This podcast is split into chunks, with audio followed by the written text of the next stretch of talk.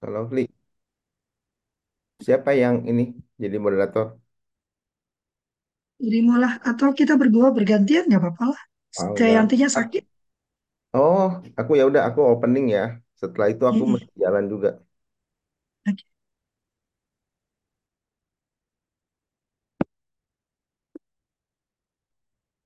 Oke, Kakak. Silakan Kak. Oke, kita akan mulai ya. Assalamualaikum, damai sejahtera untuk kita semua. Eh, Selamat pagi, sahabat seluruh keluarga. Pagi ini kita eh, bertemu kembali dalam acara Kultur Parenting edisi eh, Parenting Pagi edisi Senin 22 Januari 2024. Kultur Parenting bulan Januari bertemakan pendidikan non formal. Dan judul judul pada pagi hari ini adalah pendidikan non formal impian. Wah, ini luar biasa nih. Jadi ada ada impian kita ya.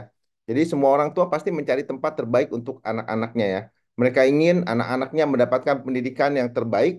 Nah, untuk pendidikan non formal, seharusnya ideal seperti apa sih? Nah, yang membuat saya semangat pagi ini kita akan berdis- berdiskusi sebenarnya nggak dengan dua narasumber, tapi katanya Teh Yanti eh, sedang berhalangan, eh, tapi semangat dengan dengan Kalofli ini, ya penjuang pendidikan anak yang yang udah bergelut eh, lebih dari 20 tahun untuk membela hak anak, terutama untuk hak anak mendidik, mendapatkan pendidikan yang terbaik. Udah nggak sabar juga untuk mendengar pemaparannya. Eh, silakan Kalofli untuk eh, memulai diskusi kita. Ya, terima kasih.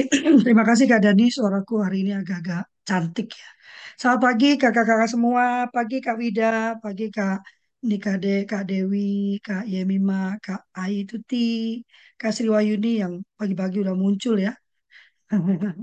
Terima kasih sudah bergabung. Ini eh, apa makin ke sini kok makin terlambat-terlambat ya. Apa kita bikin lebih pagi lagi Kak Dani ya. Biar terlambatnya jam 7 gitu, bukan terlambatnya jam 8 gitu kan. Kan biasa gitu kan kalau kita bilang setengah 7 munculnya jam 7 kurang seperempat ya. Mungkin kita harus bikin setengah 7 gitu ya. Ya, ini eh, rangkuman yang saya buat nanti teman-teman akan saya bagikan di grup ya eh, apa sih pendidikan non formal karena sebenarnya jalur pendidikan kita ada tiga. Cuman hari ini kita akan bicara dua eh, jalur yang kedua yaitu jalur pendidikan non formal yang impian saya nggak muluk-muluk saya nggak bicara tentang impian yang tidak mungkin dilakukan karena lima impian kami ini bersumber dari tata aturan yang sudah dibuat sendiri oleh pemerintah ya. Jadi cuman tinggal diminta konsistensinya ya. Sudah membuat peraturan ya harus melaksanakan gitu ya, bukan membuat peraturan terus dilaksanakan sesuai kemauan, bukan kemampuan ya. Yang pertama, bahwa pendidikan itu tujuannya mencerdaskan kehidupan bangsa. Saya terus terang cukup muak dan bosan dengan kata-kata penyediaan apa tenaga kerja yang terampil gitu ya. Saya tidak melatih anak saya untuk menjadi tenaga kerja yang terampil ya. Tapi saya mencoba melatih mendidik anak-anak saya untuk menjadi orang-orang yang cerdas sehingga dia bisa menjalani kehidupannya dengan baik dan lebih penting lagi karena perintah agamanya adalah menjadi terang, menjadi garam, menjadi rahmat, maka kalau dia hidup dengan cerdas, maka dia bisa menjadi rahmat untuk semestanya ya. Dan saya nggak muluk-muluk ini sebetulnya ditertuang dalam Undang-Undang Dasar 1945 ya. Di pembukaannya bahwa sebetulnya pembentukan negara kita itu salah satu tujuannya adalah untuk mencerdaskan kehidupan bangsa. Mencerdaskan itu tidak cuma bicara tentang eh, apa kemampuan akademik pada Undang-Undang Sisdiknas pasal pada Undang-Undang Sisdiknas pasal 4 ayat, ayat 5 itu sudah cukup jelas apa sebetulnya yang menjadi tujuan pendidikan dan kecerdasan, keterampilan itu hanya salah satu dari tujuannya. Ya, maka mimpi kami adalah satu eh, pendidikan non formal yang memang kemudian orientasi pendidikannya tujuan keluarannya adalah anak-anak atau orang-orang yang hidup berkebangsaan secara cerdas ya. Nah, ini masa kampanye kan, kita bisa melihat betapa tidak cerdasnya bangsa kita kan menghadapi kampanye ini ya. Eh, betapa eh, apa literasi kita begitu rendah ya. Nah, maka eh, kami bermimpi bahwa tujuannya Tujuan dari pendidikan itu benar-benar untuk mencerdaskan kehidupan bangsa. Ya, mana bisa orang cerdas ya pasti sel pasti selamat hidupnya kan, pasti bisa menghasilkan uang ya dan pasti penuh penghormatan ya. Tapi orang yang bisa menghasilkan uang belum tentu bisa berhidup dengan penghormatan ya. Yang kedua, pendidikan yang terbuka untuk semua warga negara. Sebetulnya ini bicara tentang inklusivitas ya, dan inklusi itu tidak hanya bicara tentang anak-anak berkebutuhan khusus. Salah satunya memang inklusif untuk semua anak dalam kondisi apa pun, termasuk yang berkebutuhan khusus. Berkebutuhan khusus juga tidak hanya bicara tentang fisik tetapi juga mental, juga sosial budaya, juga ekonomi. Dan yang kedua ini sebetulnya adalah amanat dari Undang-Undang Dasar 1945, yaitu pendidikan itu adalah hak semua warga negara. Dan pemerintah wajib menyediakan sebetulnya juga membiayai. Ya, uh, kalau sudah namanya membiayai itu bicara tentang uh, uh, apa Eh, kemauan politik ya untuk benar-benar melaksanakan amanat undang-undang ya kan? Dan juga untuk benar-benar melihat oh iya terima kasih Kak Dani saya sendirian berarti ya. Benar-benar untuk uh, untuk uh, apa memastikan bahwa semua warga negara itu mendapatkan pendidikannya ya. Ah, puji Tuhan ada Kak Irwani dan pendidikan ini kalau menurut Undang-Undang Dasar 1945 dan menurut SGDs ya, uh, uh, Kak Irwan boleh temenin Lovely ya, Lovely sendirian ini uh, Kak Yantinya, Teh Yantinya katanya sakit, Kak uh, Dani uh, sudah ada kegiatan lain katanya. Ya sayang. Ada kucing minta dilus-lus. Ya, jadi pendidikan ini terbuka untuk semua warga negara menurut Atata, menurut perintah undang-undangnya sebetulnya pendidikan ini harus disediakan dan dibiayai oleh negara. Menurut SDGs-nya pendidikan dasar itu harus dibiayai oleh negara gratis, tersedia gratis dan terutama untuk perempuan. Ya, saya nggak bilang laki-laki nggak perlu pendidikan, tapi faktanya secara budaya laki-laki biasanya di utamakan untuk mendapatkan pendidikan. Maka disebutkan khusus bahwa dia harus gratis, tersedia gratis pendidikan dasar itu juga untuk perempuan. Nah yang ketiga, ini kayak orang lagi protes ya, tapi inilah impian ya, namanya juga impian. Yang ketiga, dia menjunjung tinggi perlindungan hak anak. Kenapa Kak disebut satu dua Kak? Karena pendidikan non formal itu tidak hanya ditujukan kepada anak usia sekolah. Pendidikan non formal itu ada untuk menutup gap pendidikan terutama dan juga bukan terutama dan juga bagi orang dewasa. Jadi kalau uh, di undang-undang uh, di konven, konvensi hak ekosok ekonomi sosial dan uh, apa kayaknya itu kebudayaan ya di konvensi ekosok itu uh, ada pasal yang menyatakan bahwa semua warga negara itu punya hak yang sama untuk uh, melakukan pendidikan mengejar pendidikannya yang tertinggal ya maka eh, satu dua itu ditujukan untuk semua ya. Tapi yang ketiga adalah kita menjunjung tinggi perlindungan hak anak. Ya, kalau teman-teman sudah cukup lama ikut kultur parenting atau akademi suluk keluarga, ada empat prinsip yang harus diperhatikan benar ya. Puji Tuhan, buku kami sudah selesai, Kak Irwan. Buku Lovely sudah selesai, sedang dalam proses edit ya. Uh, nanti uh, moga-moga awal bulan depan sudah bisa diluncurkan bersamaan dengan acara kita di Pamulang ya.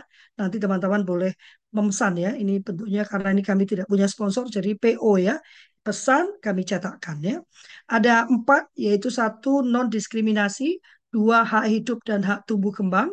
Eh sorry, non diskriminasi, dua kepentingan terbaik bagi anak, tiga hak hidup dan hak tumbuh kembang, empat penghargaan terhadap pendapat anak ya. Jadi yang ketiga itu dia harus benar-benar menjunjung tinggi perlindungan anak. Dasarnya apa? Kalau ini cuma ngoceh doang enggak, ini Undang-Undang Dasar 1900 pasal 28B. Ini khusus mengatakan bahwa anak itu tidak uh, berhak mendapatkan perlindungan dari kekerasan. Di tempat-tempat tertentu juga di dalam satuan pendidikan. Undang-Undang Perlindungan Anak pasal 54, 54 ayat 1 juga menyatakan hal yang sama. Kita sudah punya Permendikbud yang menyatakan tentang perlindungan terhadap uh, pencegahan terhadap kekerasan di satuan pendidikan. Jadi yang ketiga ini eh, perlindungan anak ini harus benar-benar dijunjung tinggi, tidak hanya di tataran kebijakan, tapi juga para pelakunya memahami benar bahwa kita sedang melakukan eh, layanan terhadap hak anak. Ingat ya, wajib belajar itu wajib bagi orang dewasa menyediakan. Kenapa? Karena belajar itu adalah hak anak. Dipahami ya teman-teman ya. Jadi kata wajib belajar itu sebenarnya ditujukan kepada pemerintah dan kepada orang dewasa. Orang dewasa dan pemerintah, orang tua itu wajib ya, wajib menyertakan anaknya di dalam pendidikan dasar ya selama 12 tahun. Benar ya? Eh, 12 tahun ya. Ya kan? Sekarang ditambah dengan Pak uh, TK ya. Jadi orang tua orang tua wajib memasukkan anaknya, pemerintah wajib menyelenggarakan ya. Dan penyelenggaraan itu saya lupa ya, nanti saya cari lagi ya. Tapi ada panduan uh, dalam rangka penyediaan atas pendidikan. Salah satunya adalah keterjangkauan. Keterjangkauan ini tidak hanya bicara tentang biaya, tetapi juga jarak ya. Maka saya termasuk pendukung zonasi karena tidak masuk akal untuk memaksa anak atau membuat anak berjalan jauh ya. Atau kalau di kasus di kota-kota itu harus naik angkot atau naik mobil berjam-jam, satu jam, dua jam untuk mencapai sekolahnya. Yang keempat, nah ini juga sebetulnya sudah ada dalam Undang-Undang Sisdiknas ya, yang kemudian membuat kami bingung kenapa menjadi belok gitu ya, bahwa sebenarnya non formal dan informal itu sudah benar-benar setara dan merupakan pilihan jadi bukan anak yang nggak keterima di formal masuk ke non formal, yang nggak lulus lalu pindah ke non formal gitu ya, sehingga non formal perlu dipastikan benar-benar bagus, bahkan kelulusannya sampai diuji dua kali, tiga kali kalau perlu gitu ya, karena dipertanyakan kualitasnya. Nah, menurut Undang-Undang Sisdiknas sebetulnya ini adalah satu kesatuan sistemik. Kalau namanya satu kesatuan sistemik itu tidak ada yang lebih rendah. Semuanya saling menopang, saling mendukung, mewujudkan satu sistem pendidikan yang baik itu ya. Maka impian kami adalah non formal ini benar-benar setara dan sudah menjadi pilihan. Oleh karena itu, yang selalu saya tuntut, kami tuntut adalah menghilangkan ujian kesetaraan. Ya, cukup dengan memastikan uh, kualitas lembaga penyelenggara dan itu sebetulnya sudah dilakukan lewat akreditasi. Bahwa akreditasi itu belum bisa dipercaya karena begitu banyak pelaku-pelaku oknum-oknum yang memanfaatkan akreditasi itu bukan urusan anak ya. Itu adalah urusan dewasa. Perlu penegakan hukum yang ketat terhadap pelanggaran atas akreditasi. Karena akreditasi itulah yang menunjukkan bahwa satu lembaga itu sudah sesuai dengan standar minimum yang diminta oleh pemerintah.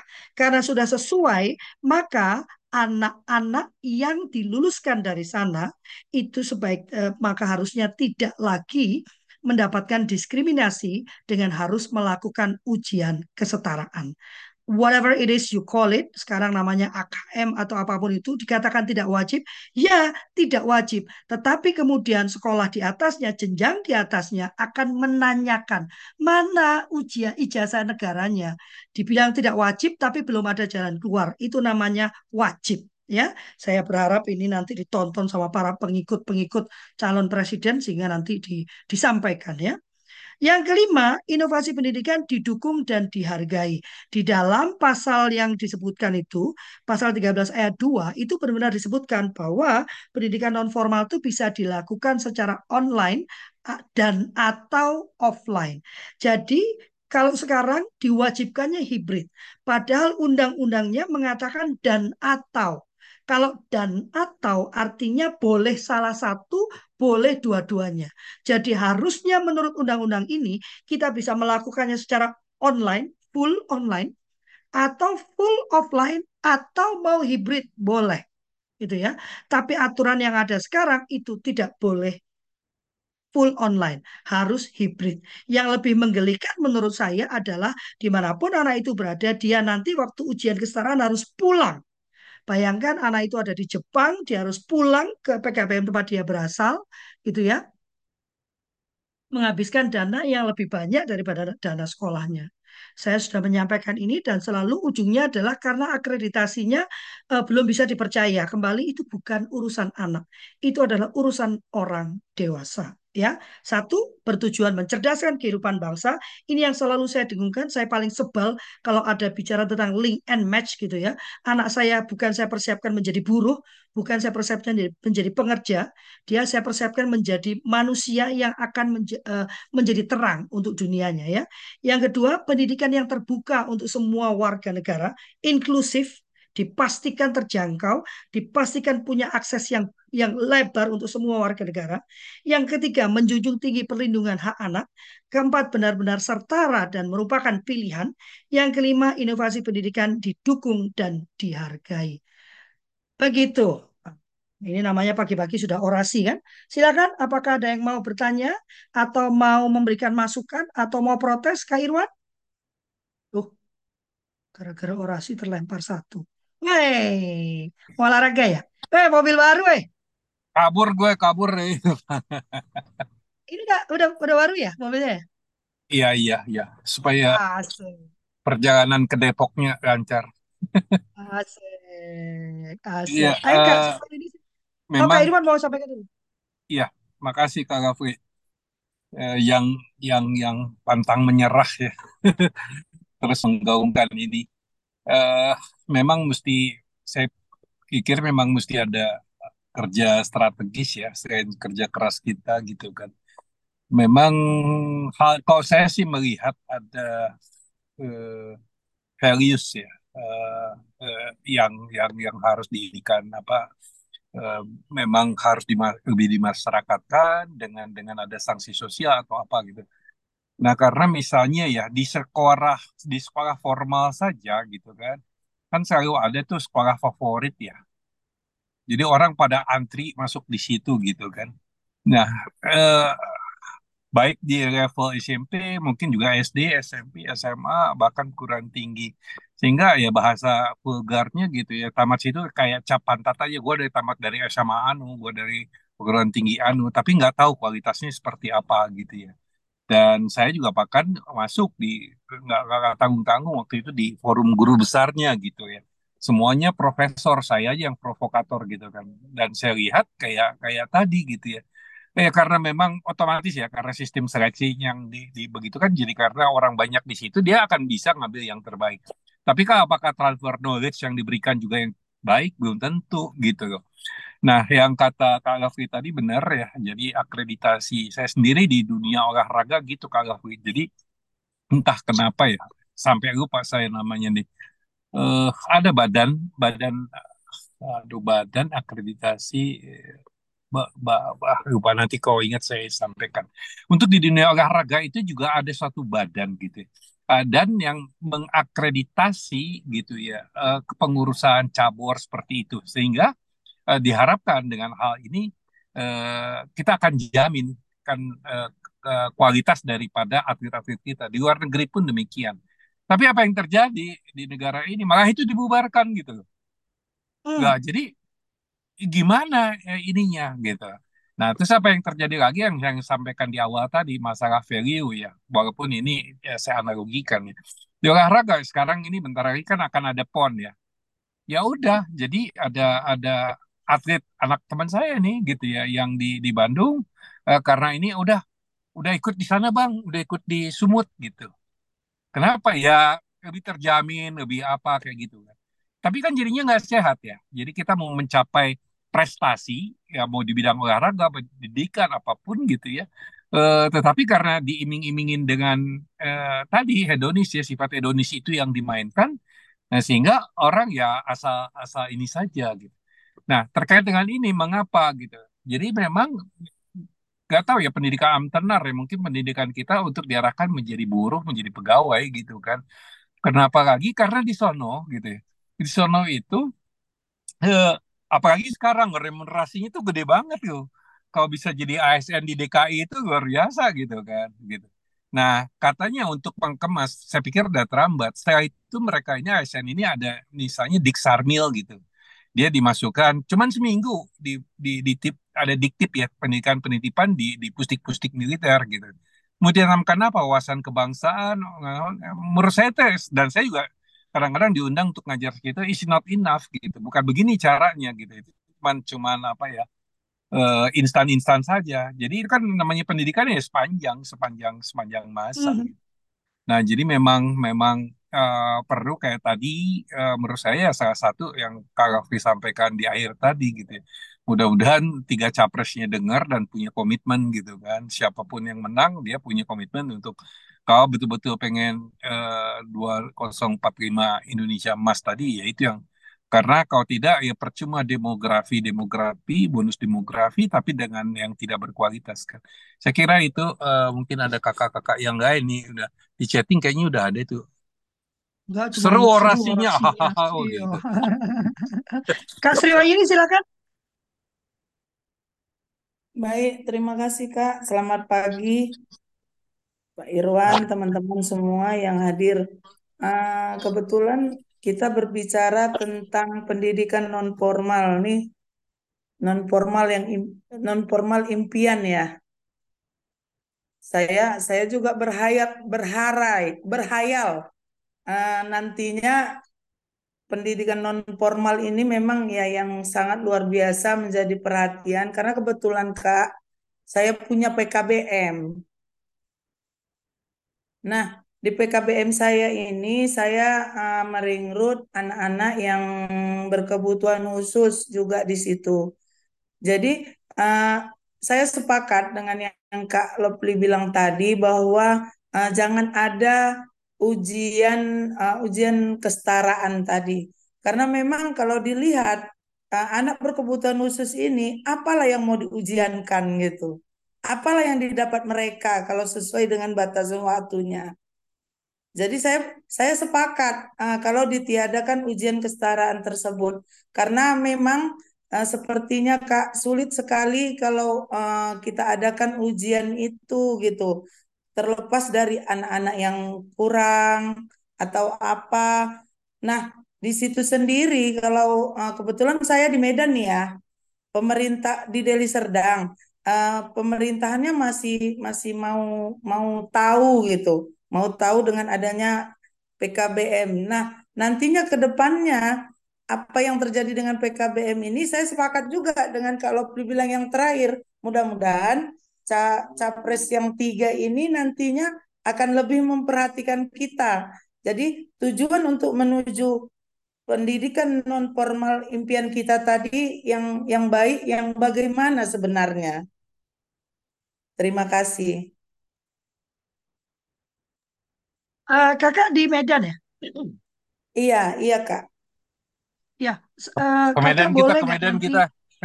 Iya, kontak ayo. saya secara personal ya kak, karena saya sedang ingin menggerakkan satu kegiatan. Uh, karena di Medan itu ada Saya satu di teman Medan di daerah. Ah, kalau Pli di Deli Serdangnya. dekat juga kan, nggak terlalu jauh. Dekat, dekat, dekat. Iya. Artinya kan kalau kakak Medibang. punya, nggak gini, kalau kita bersatu itu kan suara jadi lebih kencang ya. Karena Kak. uh, ada satu teman di Medan yang ditolak perpanjangan PKBM-nya uh, karena dia fokus pada anak berkebutuhan khusus. Nah, ini kan perlu kita advokasi ya. Uh, jadi saya mengusulkan membuat acara besar. Uh, karena itu uh, dibutuhkan uh, biaya kan. Karena nggak mungkin Iya. saya berenang ke Medan kan. Atau Kak Irwan berenang ke Medan kan nggak mungkin. Sehingga saya menyarankan membuat seminar saja berbayar. Ya, ekspertis kami nggak usah dibayar lah. Tapi ya jangan juga kami disuruh berenang gitu kan. Dan nanti saya mengusulkan mengundang Pak Bobi itu menjadi pembicara. Nah, kita coba advokasi dari sana. Kalau kami bisa dua hari di sana ya Kak Irwan ya, sekalian bertemu dengan wali kota, kepala dinas, memberikan pencerahan kebijakan lah ya, uh, sehingga ke depan itu tidak ada tidak ada salah paham lagi. Kak Sriwayuni kalau tertarik kontak saya ya. Kak, kakak sudah ada di grup? Uh, di grup Suluh ya? Ya. Ya, sudah ada. Kalau sudah boleh japri saya ya. Nanti ya kita Ya, bisnis ya. Saya nggak minta kakak membiayai. Saya mengajak kakak bersama dengan teman ini. Nanti kalau kakak punya orang lain lagi bergabung bersama, lalu menjadi penyelenggara acara ini. Lebih mudah kan kalau rame-rame. Saya nggak minta kakak kakak tolong enggak ya, tapi buatlah acara ini kalau rame-rame, dananya tolong sebagian sisihkan untuk kami pergi ke sana gitu. Termasuk Kak Seto ya. Kalau kakak jual kaseto Jenderal Irwan Amrun tuh laku. Kalau jual Lovely nggak laku ya. Jadi Wah, eh, Jenderal Irwan Amrun nanti saya buatkan proposalnya. Kakak dan teman-teman di sana bergerak supaya gitu ya. supaya lebih laku kalau Free kalau kaseto udah laku. Kalau saya supaya lakunya pakai Tengku Irwan Oh Amrun. iya, pakai tengku. Siap, siap. Nanti aku tuliskan. Ya Karena kan? awak pun karena awak pun orang Medan kan. Nah iya, Pak Irwan. Ayo itu ka- kau punya tanggung jawab itu me- meluruskan orang-orang Medan ini ya kan. Kalau Kak Sri ter- ter- tertarik, silakan eh, japri saya ya. Saya sedang berusaha me- me- me- menginisiasi acara itu. Tapi ya dari jauh, jadi makanya nanti kalau ada banyak teman di sana kan bisa terlaksana ya Kak. Tuh. Yang kedua, sebetulnya Kak, secara tata aturan, Kakak itu tidak harus mengambil kurikulum yang ada. Karena untuk anak berkebutuhan khusus, dia sudah disediakan kurikulum khusus sebetulnya. Ya kan? Dan eh, karena sekarang itu pendidikan masyarakat dan pendidikan khusus itu di satu direktorat harusnya sudah sangat tidak bermasalah. Maka memang sudah harusnya ditinggalkan untuk praktek membantu anak berkebutuhan khusus di dalam kelulusannya, ujiannya. Ya, itu pelanggaran hak anak. Tetapi pemerintah sudah menyediakan. Nah, nanti kalau eh, dinasmu itu rewel, ya kan? Nah, nanti kakak nanti saya akan eh, jadi cara saya itu gini kak, saya akan sediakan eh, apa eh, sumber-sumber kebijakan sehingga kakak bisa bawa itu ke sana. Ya, tapi sebetulnya kakak itu bisa memakai dua kurikulum. Jadi untuk anak berkebutuhan khusus diberikan kurikulumnya. Untuk anak autis itu biasanya tiga tahun lebih rendah. Jadi kelas satunya dia itu pelajaran TK. Tapi dia disebut kelas satu. Kelulusan SD-nya dia itu sebetulnya nanti soalnya ya kelas 3. Jadi sudah sesuai dengan kemampuan dia kan. Dan itu sudah per, eh, apa, per tuna. Jadi eh, sesuai dengan kebutuhan khususnya itu sudah ada kurikulumnya, ada bahan belajarnya, otomatis ada ujiannya. Ya Kak? Nah, saya sudah pernah protes ke Pak Direktur. Pak Direktur mengatakan dan juga Pak Elih ya. Pak Elih itu ke- eh, anggota saya lupa, namanya saya lupa namanya. Kalau dulu kan eh, ini ya eh, badan semacam BSNP tapi yang baru gitu ya. Karena sekarang kan digabungkan antara badan standarnya dengan akreditasinya dijadikan satu ya. Jadi ini super super body dia ya. Nah, Pak Elih juga mengatakan sebetulnya teman-teman di non formal yang punya anak berkebutuhan khusus itu nggak perlu ribet-ribet mengakses saja kurikulum anak berkebutuhan khusus itu. Ujiannya juga pakai itu gitu. Gitu ya Kak Sri Wahyuni ya. Jadi sebetulnya sudah ada jalan keluar menurut tata aturan pemerintah. Tapi tetap tidak mengatakan bahwa berarti nggak apa-apa ya eh, nanti ujian kesetaraan itu dua hal yang berbeda ya Kak ya. Cuman sebetulnya anak-anak ini berhak mendapatkan kurikulum yang sesuai. Dan secara tata aturan itu dibolehkan jadi nggak perlu dia ikut pelajaran anak reguler Ya. Ya, kebetulan kan Kak, kami di Deli Serdang khususnya eh, kemarin waktu bupatinya Bapak Asari Tambunan, beliau peduli sekali dengan eh, anak berkebutuhan khusus, sehingga eh, setiap kecamatan itu terbentuklah PKBM yang mengelola eh, anak berkebutuhan khusus. Cuman eh, sekarang ini kebetulan bupatinya kan sudah eh, habis masa periode beliau. hmm. Eh, dan beliau mencalonkan DPR RI. Jadi bupati sekarang adalah yang naik wakilnya gitu. Saya nggak tahu ke depannya ini uh, bagaimana gitu. Kalau dulu memang uh, Bapak Bupati kita itu, Ibu Bupati itu sangat peduli sekali dengan anak-anak berkebutuhan khusus. Beliau juga sering turun gitu, melihat bagaimana apa kekurangan gitu. Cuman namun sekarang saya juga nggak nggak tahu ke depannya bagaimana. Seperti yang kakak bilang ada PKBM yang habis um, izin operasionalnya ya kak. Mau Ya, bersambung lagi masih merasa kesulitan. Saya juga ah, ju- sudah ditolak, bukan kesulitan, sudah ditolak. ah, sudah ditolak. Nah, memang kalau kita sekarang ini juga di PKBM ini sendiri mengajarkan uh, anak-anak berkebutuhan khusus ini kita belum punya kurikulum yang pasti kak. Karena izin kita kan bukan izin anak Nah itu berkebutuhan nggak ada masalah kak, nggak ada masalah. Ah, Jadi itu tadi yang saya katakan, pendidikan non formal kan itu kan PKBM itu kan satuan pendidikannya. Iya, Ya, layanannya itu kan bisa layanan ada pemberdayaan kan. Nah, sebetulnya eh, kurikulum pendidikan khusus kan namanya pendidikan khusus ya Kak. Pendidikan anak anak berkebutuhan khusus kan di bawah pendidikan khusus. Itu Mm-mm. boleh diakses oleh PKBM, Oh, baik, baik. boleh digunakan. Saya sudah protes kan ke direktur. Ya, tadi saya sampaikan Pak Aswin ya. Pak Aswin mengatakan lah silakan aja diakses kok Bu boleh kok. Jadi PKBM yang punya anak berkebutuhan khusus boleh menggunakan kurikulum pendidikan khusus. Dan tidak ada itu nomenklatur yang mengatakan PKBM itu uh, hanya boleh menerima anak reguler. Tidak ada nomenklatur yang mengatakan bahwa uh, layanan pendidikan anak berkebutuhan khusus harus berbentuk SLB. Tidak ada. Saya sudah cari nggak ada. Jadi kalau ditolak itu tidak ada dasar hukumnya. Cuman males saja. Karena pengawasnya jadi harus iya, belajar siap, lagi kan. Ya, Iya, ya baik, sudah Kak digaji tapi malas. Itulah ya. Iya, Ya, eh, tang- eh, bulan April kami akan mengadakan kreasi anak istimewa. Ah, nanti bisa diduplikasi ya. Silakan diduplikasi. Jadi kreasi anak istimewa ini kami ingin anak-anak itu menunjukkan kemampuan di luar akademis, termasuk melukis dan segala macam nanti akan dilelang. Itu akan kami lakukan di Pamulang bulan April. Dan itu akan dilakukan tahunan ya. Tiap tahun akan diadakan. bagaimana dengan yang jauh, Kak? Mungkin kita buat hibrid aja. Jadi nanti anak-anak bisa menari di sana di Ah, ah, apa dipakai ini kan masuk ke Zoom. Jadi yang offline tuh bisa menonton mereka menari dari seluruh Indonesia ya untuk anak berkebutuhan khusus.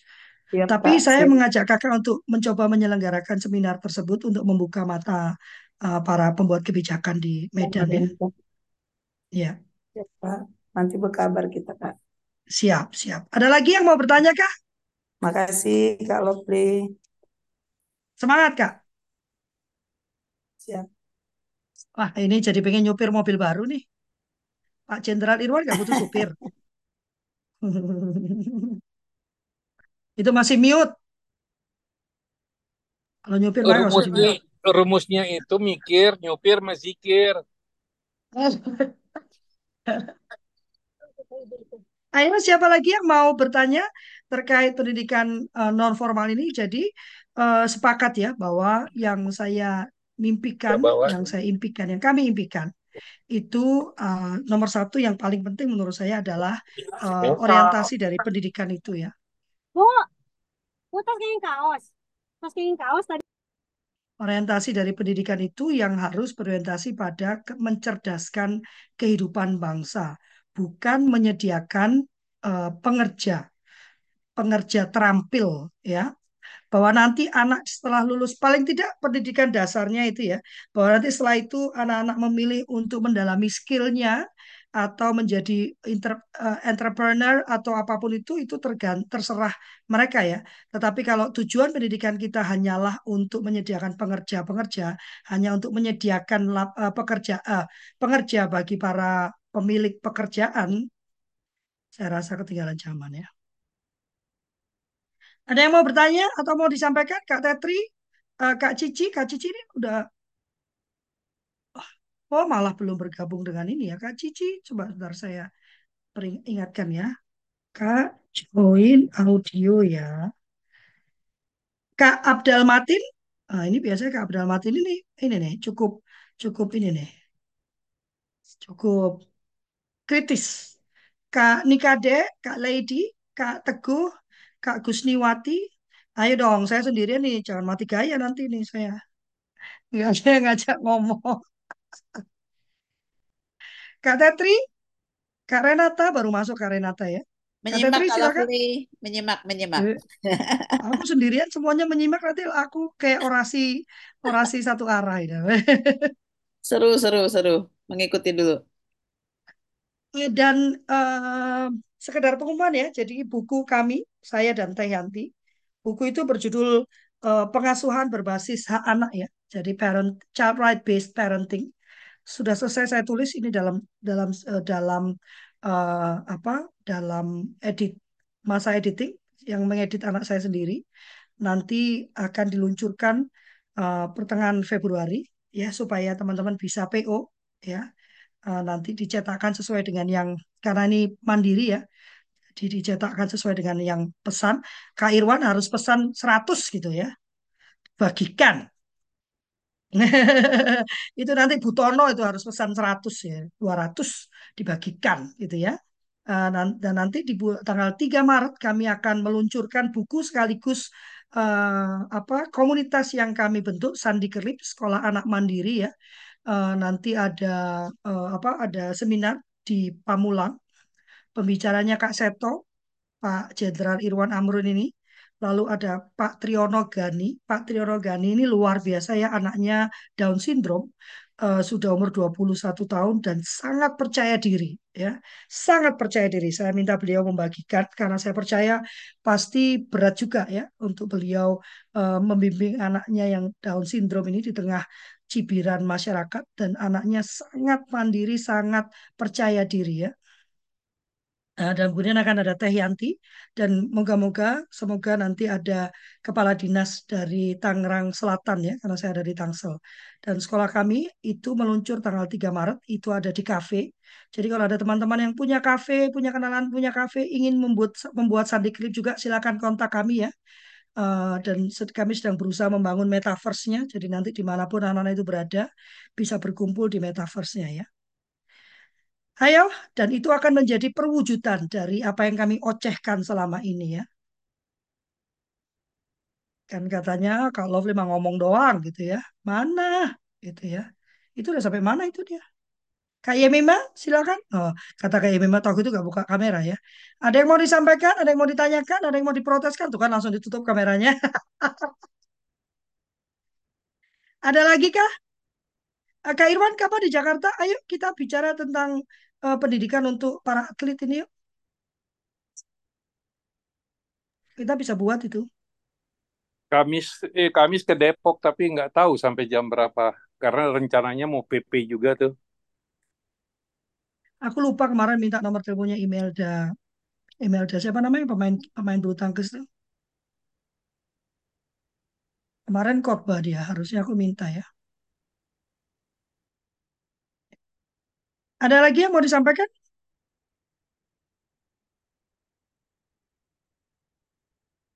Ya, eh, sebetul itu nanti kalau pekerjaannya itu eh, apa? eh, kalau ada nanti boleh di screenshot sampaikan ke saya karena menurut surat edaran Menteri tahun 2008 ya, sudah lama banget itu. eh, eh, seluruh eh, eh, apa pemilik kerja itu tidak boleh me- menolak ijazah paket C, namanya paket C berarti ya, atau pendidikan non formal. Diingatkan saja nanti eh, HRD-nya diingatkan gitu bahwa Pak mohon maaf ini formnya eh, kurang Pak karena harusnya ada PKBM karena saya dari non formal gitu ya. Kalau dia menolak nanti kasih ke saya nomor ya yaitu paket C sederajat betul. Ya itu betul. Ya itu yang tadi PKBM itu kan satuan pendidikannya ya. Itu kan nama istilahnya nama sekolahnya gitu. Eh, izin satuan pendidikannya namanya PKBM. Ya.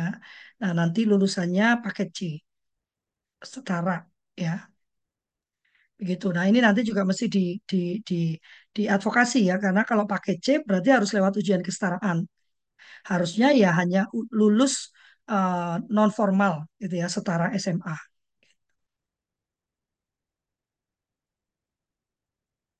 Ada lagi? Semangat ya, Kak. Ada lagi kah? Kalau teman-teman menemukan ada perusahaan atau eh, universitas ya swasta ataupun negeri yang menolak, belum ada eh, jalurnya, eh, silakan menyampaikan ke saya ya sebagai Sekjen Asosiasi Sekolah Rumah dan Pendidikan Alternatif itu salah satu tugas saya adalah mengingatkan teman-teman ini bahwa ada jalur kedua dan ketiga sebetulnya. Yang menarik saya menemukan di PP eh di Permendikbud eh, nomor 17 ya tahun 2010-nya yang menyebutkan bahwa eh, waktu pemerintah pemerintah itu baru mau bikin dapodik gitu ya eh, sistem informasi yang terintegrasi itu eh, di sana di diamanatkan dibuatkan untuk tiga jalur pendidikan. Ah, jadi harusnya Dapodik itu menampung formal, non formal, dan informal.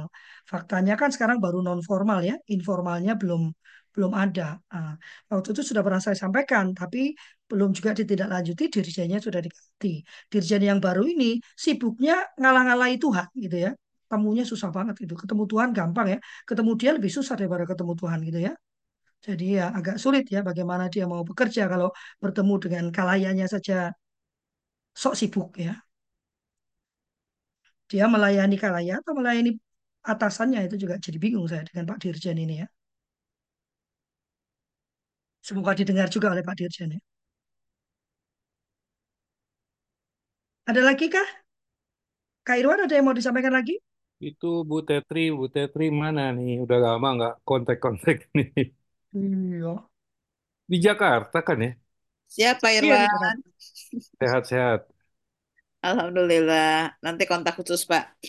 Iya, Menarik itu ajakan-ajakan Kak Lovely. Cari iya. timing yang pas. Saya dengar malahan eh, sekolah di sini, sekolah tingginya dijual ya? Di mana Pak? Di yayasan kita di sini, di Bandung. Oh, eh kabarnya sih demikian Pak. Saya sendiri kan seperti Pak Irwan sudah tidak intensif lagi. Yang tadi Kak Raffi ingat Kak Raffi namanya Besang. Bedang Besang itu Badan Sertifikasi dan Akreditasi eh, Organisasi Keolahragaan. Oh, dia Itu dibubarkan malah. Iya, iya saya malah punya sertifikat segala macam segala macam, tapi malah dibubarkan. Jadi nggak ada standar nggak ada standar ini gitu ya. Ya bagaimana misalnya kan eh, eh, si pelatihnya aja rokokan gitu, olahraga kok rokokan gitu, kan udah tidak tidak ini gitu. Itu sayang. Sebenarnya juga sebetulnya juga saya itu eh, ini ya, eh, mohon maaf dengan yang berprofesi, berprofesi guru ya. Seharusnya salah satu standar eh, untuk guru adalah tidak merokok. Salah satu standar ya. Kita mau kenceng teriak tentang bahaya rokok, ya percuma gitu. Eh, anak-anak akan tetap merokok selama dia melihat orang dewasanya merokok gitu kan. Dan ini kan melawan ini seperti melawan raksasa ya, karena karena pabrik-pabrik rokok ini kan penyumbang penyumbang pajak terbesar ya. Iya, bahkan kan ada cabur yang disponsori oleh Banyak ya. rokok gitu. Makanya saya sendiri juga termasuk yang agak kencang di situ ya. Eh, apalagi saya punya pengalaman ya, pengalaman bahwa saya pernah menjadi heavy smoker gitu. Tapi dengan Hmm. satu tujuan khusus, istri saya hamil, anak pertama, dan saya tidak mau anak saya merokok, saya berhenti merokok gitu. Yang dan memang susah sus- susah ya memang kalau dari neuroscience kan eh, ada edik yang luar biasa gitu. Tapi Ya, ternyata dengan dengan tekad yang luar biasa itu bisa terjadi.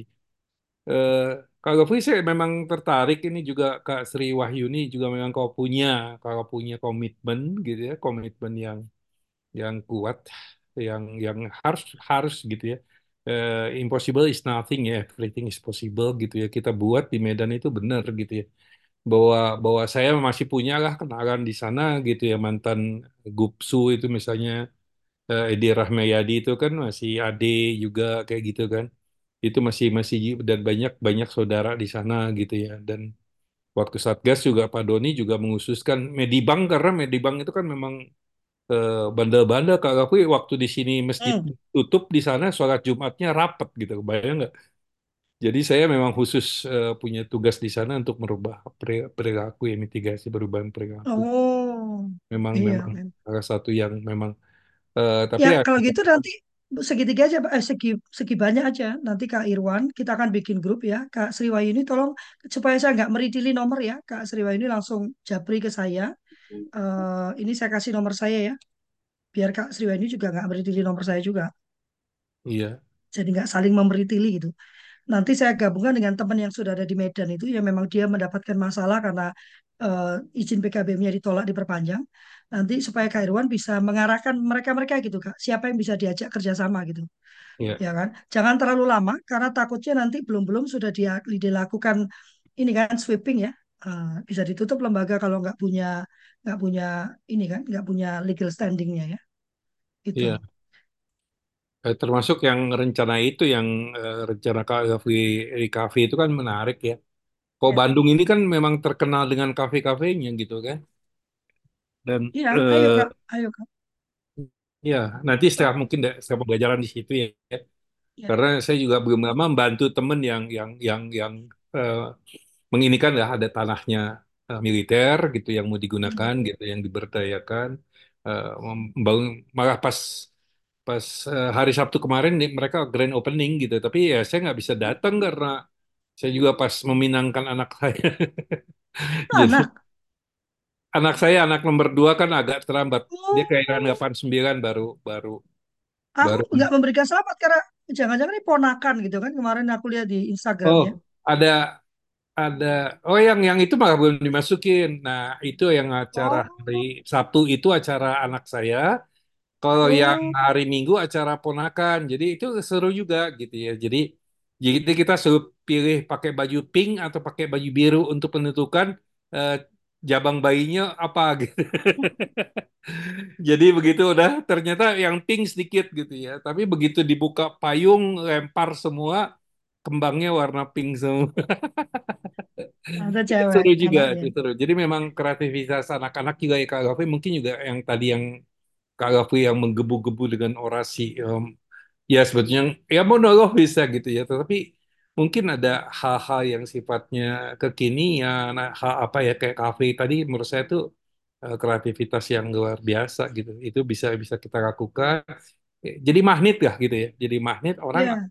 dia bisa ke sana gitu Nah, Iya nanti jadi jadi contoh ya. Dulu kami itu eh, bicara tentang child child centered education ya. Eh, karena susah ngomongnya, kami membentuk Sandi Kerlip.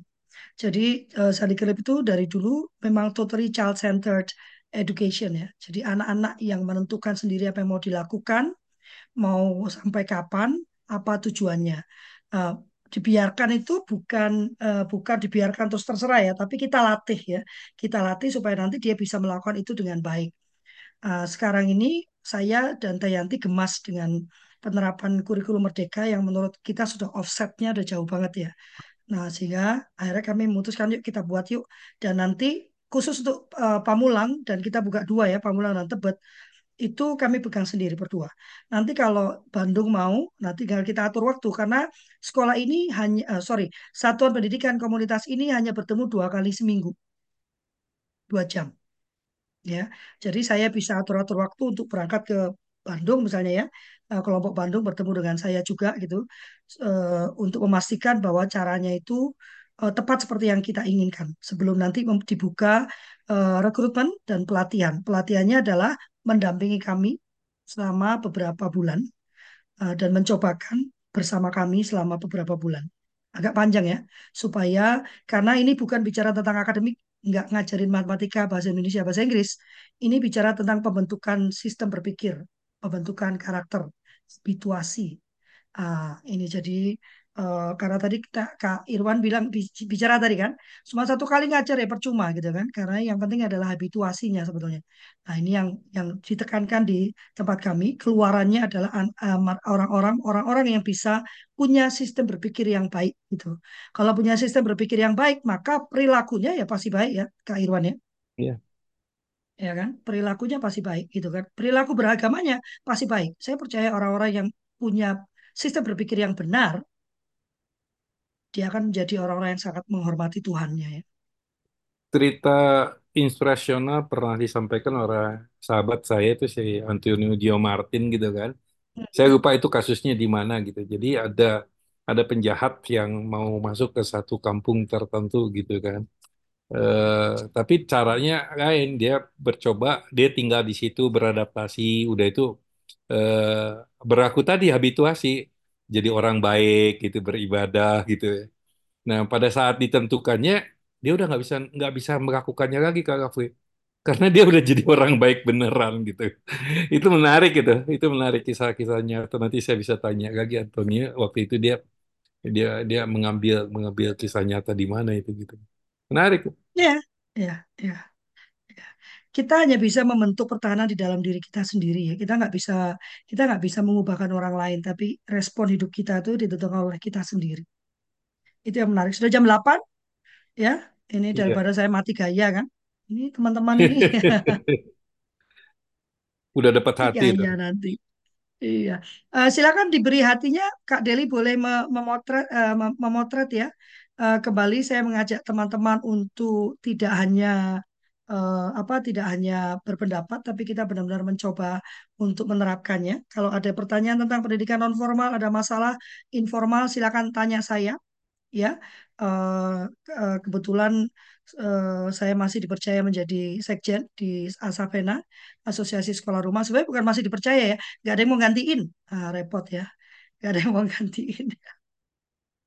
Ah, dan Kak Sriwayuni, saya harap kita bisa mewujudkan acara di Medan itu sehingga karena kalau advokasi, saya sedang minta bertemu dengan ah, wali kota secara online eh, besok. Tapi advokasi itu berat Kak kalau online ya, harus datang dan disampaikan gitu ya. Jadi kalau kita bisa membuat acara itu setidaknya biaya bisa ditanggung oleh acara tersebut gitu ya. Ya Kak Irwan ya. Baik, Oke, Kak, kita nanti akan coba. Siap. Ayo Kak, pasti bisa ya. Eh, pasti bisa. Ya, eh, terima kasih banyak eh, sahabat eh, seluruh keluarga. Terima kasih sudah mendengarkan orasi pagi saya. Iya, eh, dan semoga bisa diterima dan disebarkan. Saya sudah membuat infografisnya, sudah saya bagikan di grup. Silakan disebarkan gitu ya. Eh, saya berharap kalau perlu, kalau teman-temannya kan ini beberapa udah eh, apa oh ini ya sudah melakukan pelanggaran dan memasukkan opini-opini politik di grup ya. Nah, sudah saya hapus semua. Mohon maaf, saya bangunnya memang jam 4 pagi, jam 3 pagi belum bangun saya. Jadi eh, itu para teman-teman ngisi jam 3 pagi, eh, saya baru bisa menghapusnya jam 6, jam 7 ya. Eh, jam 6 itu saya baru bangun. Masa juga bangun tidur langsung lihat grup kan nggak mungkin juga ya. Nanti kata Tuhannya ini kamu tuh mau sama siapa gitu ya. Jadi setelah saya melakukan pagi rutinitas pagi baru saya lihat grup, ah, baru bisa saya tendang ya. Jadi tolong diingat tata aturan grupnya. Nah daripada Anda merecoki grup, nah bagikan saja itu info infografi saya ke kelompok-kelompok politik Anda gitu kan. Moga-moga terdengar gitu ya dan membuat perbaikan di masa depannya. Salah satunya adalah tujuan kita melakukan rally bulan 1, bulan 2, bulan 3 ini adalah untuk menghasilkan white paper ya, white paper di awal April eh, yang akan kami serahkan kepada DPR yang baru ya eh, terkait revisi Undang-Undang Sisdiknas ya. Undang-Undang Sisdiknas kita udah kuno banget, harus direvisi ya. Kemarin ada yang bilang kurikulumnya ganti terus, kurikulum memang harus berubah ya, harus dinamis supaya sesuai dengan perkembangan zaman ya. Jadi jangan protesnya tuh yang benar gitu, jangan anda terus emang mau anaknya diajarkan dengan kurikulum tahun 1970 ya kan? Repot nanti anak-anak ya. Kurikulum harus diubah. Tetapi yang paling penting adalah jangan sibuk sama mengajarkan bagaimana membuat kurikulum gitu ya. Karena kurikulum itu kan referensi, dia refer, dia itu adalah target yang harus Anda ikuti. Di tengahnya silakan Anda bermain-main ya. Maka paradigma berpikir yang harus diubah. Terima kasih banyak. Saya memohon maaf yang sebesar-besarnya ya karena namanya orasi pagi sendirian pula ya. Untung ada Kak Irwan. Eh, kalau saya sendirian nanti mulut saya nggak bisa direm ya. Eh, maka atas perkataan saya, sikap saya, gestur saya ya, saya memohon maaf yang sebesar-besarnya. Saya bukan bermaksud menghina ya, bukan bermaksud melecehkan, tidak bermaksud memojokkan, tidak juga menghakimi. Saya hanya gemas gitu ya dan ingin membagikan apa yang menjadi keyakinan saya dan saya kerjakan dalam kehidupan saya sehari-hari. Terima kasih banyak. Wassalamualaikum warahmatullahi wabarakatuh. Tuhan memberkati. Warahmatullahi wabarakatuh. Saya buat grup ya, izin ya. Kak Sriwayuni langsung kontak saya supaya saya bisa bikin grup ya. Oke, pamit. Oke, thank you pamit